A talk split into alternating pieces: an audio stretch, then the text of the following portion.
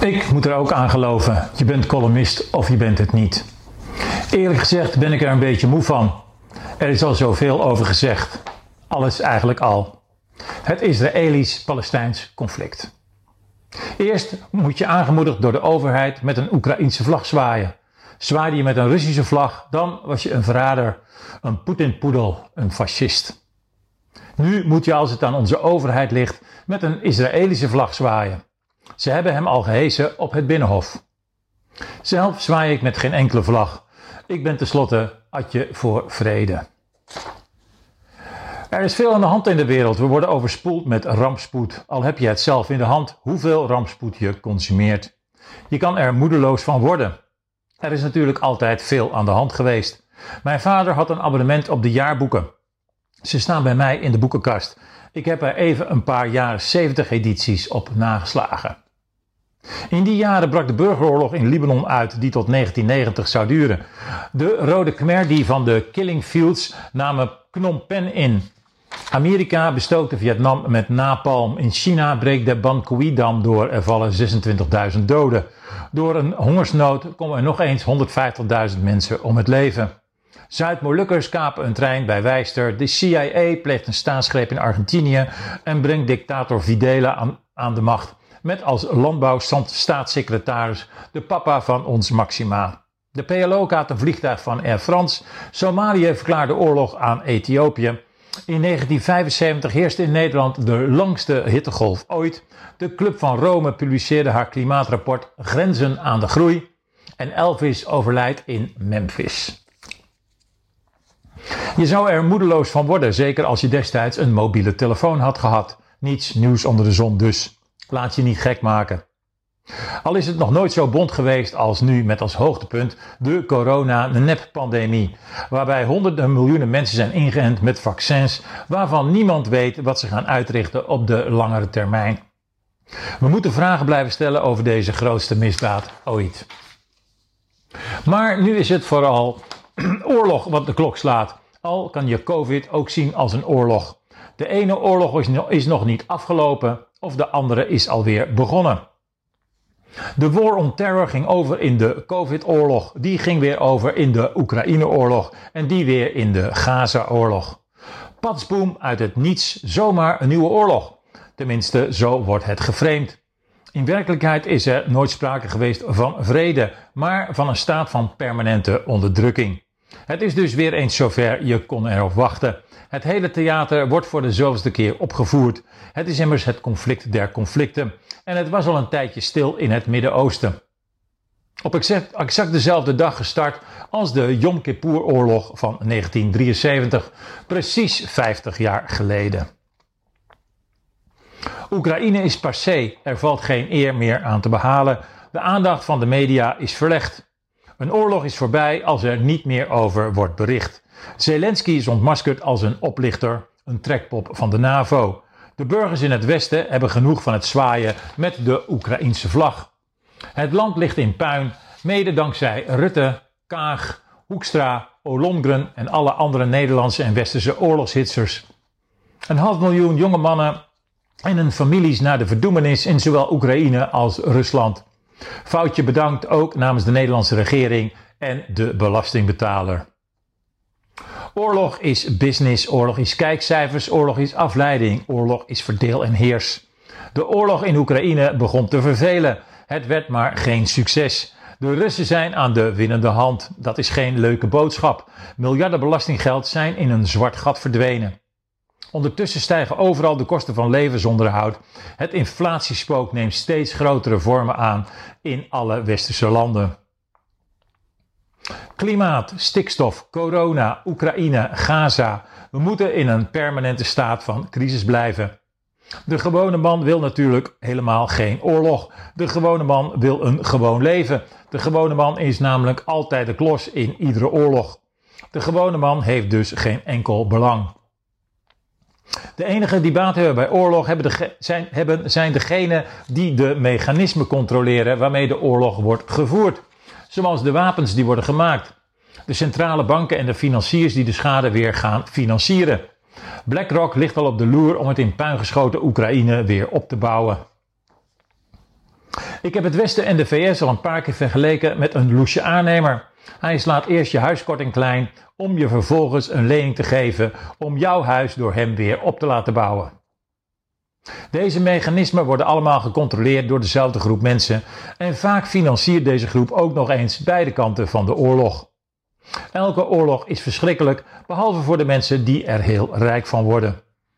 Openbare middelen zijn misbruikt voor Agenda 2030, zoals COVID, klimaat, hervormingen van de rechterlijke macht, oorlog en de afschaffing van contant geld. De elites hebben belang bij oorlog, regeringen hebben belang bij oorlog om hun falen te verdoezelen, om de bevolking weer te verdelen of de bevolking juist weer achter zich te krijgen. Israël is een onderwerp dat mensen als geen ander verdeelt. Je kan lelijk je vingers branden als je iets over Israël zegt. Eén verkeerd woordje en je kan zomaar als antisemiet of holocaust-ontkenner worden weggezet. Voor je het weet heb je het Sidi achter je aan en mag je niet meer reizen. Censuur is natuurlijk nooit een oplossing. Het laat het failliet zien van westerse overheden en de media. Ik heb meer dan twintig jaar een relatie gehad met een Israëlische vrouw. Ieder jaar vlogen wij met al ons kroos naar het beloofde land om haar familie te bezoeken. Het waren prachtige tijden, tijden om nooit te vergeten. Ik voelde mij er thuis, oorlog of geen oorlog. Israël was jaren een soort tweede vaderland voor mij, een zonnig vaderland. Het land paste uitstekend in mijn levensmotto. In het land van huis schijnt altijd de zon. Al scheen die zon natuurlijk niet voor iedereen. Het beloofde land was ook toen al niet het beloofde land voor de Palestijnen. Het was de tijd van de Intifada, de Eerste Golfoorlog, 9-11 en de War on Terror. Zou je dit jaar wel gaan? Is het niet gevaarlijk voor de kinderen? Zijn mijn moeder regelmatig als de zoveelste bomaanslag in Jeruzalem of Tel Aviv op de, als ze de zoveelste bomaanslag in Jeruzalem of Tel Aviv op tv had gezien. Maar ik ging toch. Ik was verliefd.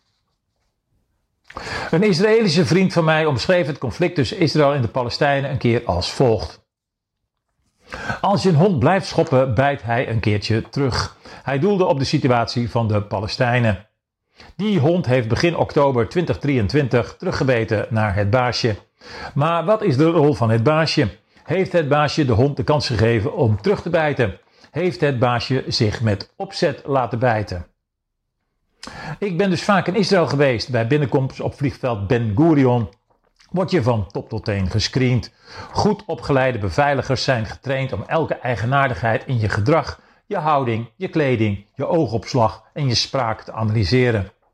Israël, de tot de tanden toe bewapende high-tech controlestaat, is verrast door een hondje, een keffertje dat terugbijt naar het baasje. Goed beschouwd is Gaza de grootste openluchtgevangenis ter wereld, een soort concentratiekamp. Ik ben een paar keer aan die grens geweest. Er staan metershoge hekken, honderden camera's houden alles en iedereen permanent in de gaten. Ontsnappen is onmogelijk. Zelfs een vogel komt niet onopgemerkt de grens over. Net als bij corona, de oorlog in Oekraïne, 9-11 en de War on Terror, is er ook hier weer een voorgeschreven narratief. De Palestijnen hebben Israël geheel onverwacht aangevallen. Israël, de technologische meest geavanceerde controlestaat, is totaal verrast door deze aanval. De inlichtingendiensten zaten even te slapen, hadden even een blackout. Een ongelooflijk verhaal, ongeloofwaardig verhaal natuurlijk, hoe cynisch het ook klinkt. Het is een geplande misser, een georganiseerde misser. Niets is wat het lijkt. Israëls 9-11 kopte de media vrijwel onmiddellijk. Net als bij COVID en de oorlog in Oekraïne wordt de aanval van Hamas uit de context gehaald. Er wordt de westerse burger direct een narratief door de strot geduwd. De enige uitweg uit de pandemie is vaccineren. Rusland zou uit het niets Oekraïne hebben aangevallen. Hamas is uit het niets Israël aangevallen. Dan zouden eigenlijk alle alarmbellen af moeten gaan. 9-11 was het begin van de inperking van grondrechten en iedere van iedere burger en het begin van Amerikaanse interventies en militaire expansie. Er zijn grote overeenkomsten, net zoals elk aspect van de Amerikaanse nationale veiligheidsstaat op 11 september 2001 tegelijkertijd faalde, faalde ook het veiligheidssysteem van Israël, inclusief de Iron Dome, de luchtafweer die de VS voor Israël heeft gebouwd. Mysterieus genoeg kwamen de Hamas-strijders Israël binnen over de grond, door de lucht en over de zee, zonder ontdekt te worden. Vreemd genoeg kwamen grote hoeveelheden wapens Palestina binnen via Israël, zonder ontdekt te worden. Hamas weet dat het Israël nooit echt kan bedreigen, maar dat de actie wel het einde van de Palestijnen, maar zeker Hamas zal betekenen. Zeker als je in ogenschouw neemt hoe bruut Hamas heeft huisgehouden. Vrouwen, kinderen en bejaarden zijn afgeslacht. Ze hebben hun beestachtigheid zelf gefilmd. Kijk eens hoe bruut wij zijn. De repercussie zal groot zijn. Wordt Gaza een vernietigingskamp? Is een relevante vraag. Het lijkt een soort wedstrijd om wie de meeste sympathie van de buitenwereld krijgt voor het grote lijden. Netanyahu heeft de inwoners van Gaza verteld Gaza te verlaten. Maar waar moeten ze naartoe? Israël heeft ze opgesloten. De elektriciteit in Gaza is afgesloten.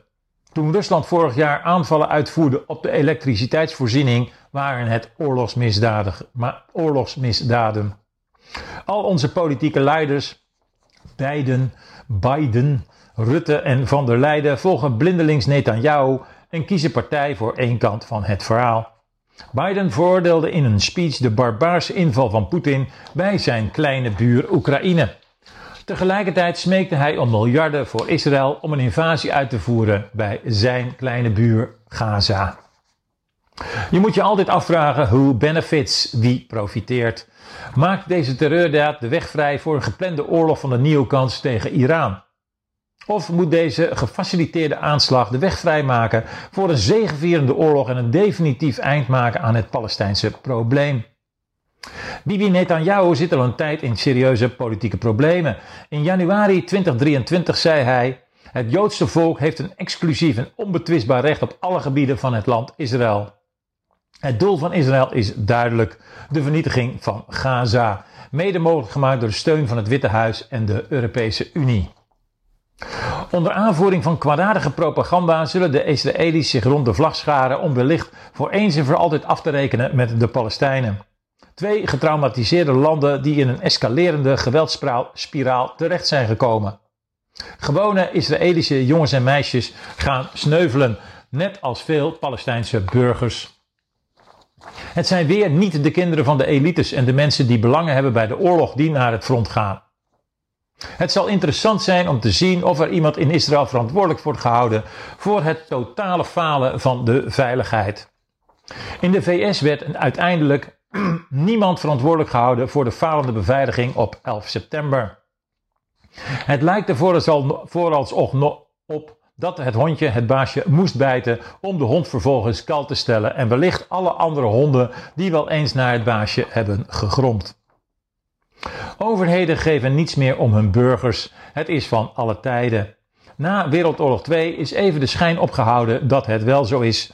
Maar de laatste 20 jaar zien we ook in Nederland een overheid die niets meer geeft om haar burgers. Burgers zijn een noodzakelijk kwaad. Burgers zijn een pinautomaat geworden. Burgers zijn eigenlijk overbodig, lijkt het. Wij, de burger, hebben eigenlijk maar één vijand: onze eigen overheid. Covid, de oorlog in Oekraïne en nu ook de oorlog in Gaza hebben dit pijnlijk zichtbaar gemaakt. Burgers zijn op aanraden van overheden massaal ingespoten met vaccins waarvan niemand weet wat de gevolgen zijn. Honderdduizenden jonge mannen zijn de Oekraïense vleesmolen ingegooid, mede gefinancierd door Nederland. Ook nu in Gaza, ook nu Gaza in brand staat, is er geen enkele overheid die zich krachtig uitspreekt voor vredesonderhandelingen om een krankzinnige oorlog met alleen maar burgerslachtoffers te stoppen. Zelf ga ik regelmatig naar de vredesdemonstratie op de Dam, iedere laatste zondag van de maand. Benieuwd er de komende maanden meer mensen komen opdagen om de doorgedraaide overheden te corrigeren. De meeste burgers in Nederland willen het nog steeds niet onder ogen zien. Ze geloven nog steeds in de goedheid van de staat, lijkt het wel. Vorig jaar interviewde ik de Joodse binnenhuisarchitecte Nofi Jalos. Op sociale media vergeleek ze de COVID-periode met de Tweede Wereldoorlog. Die begon ook niet met concentratiekampen, maar met uitsluiting. Joden mochten niet meer naar de winkel, niet meer naar het theater. Ik begrijp niet waarom juist de Joden zich gedragen als makkerschapen na alles wat ze hebben meegemaakt, zei Nofi. Bibi Netanyahu zette de deur wijd open voor Pfizer en maakte van Israël een proeflaboratorium voor de farmaceutische industrie. Nu lijkt het alsof de deur is opengezet voor de vijand die vol zit met 70 jaar opgekropte woede. Op zijn minst wist de Mossad van tevoren van de aanval af en liet het gebeuren om politieke redenen. De media gooit olie op het vuur in plaats van de macht ter verantwoording te roepen. Weerloze burgers aan twee kanten zijn de dupe. Bij nader inzien zwaai ik toch met een vlag. De witte vlag.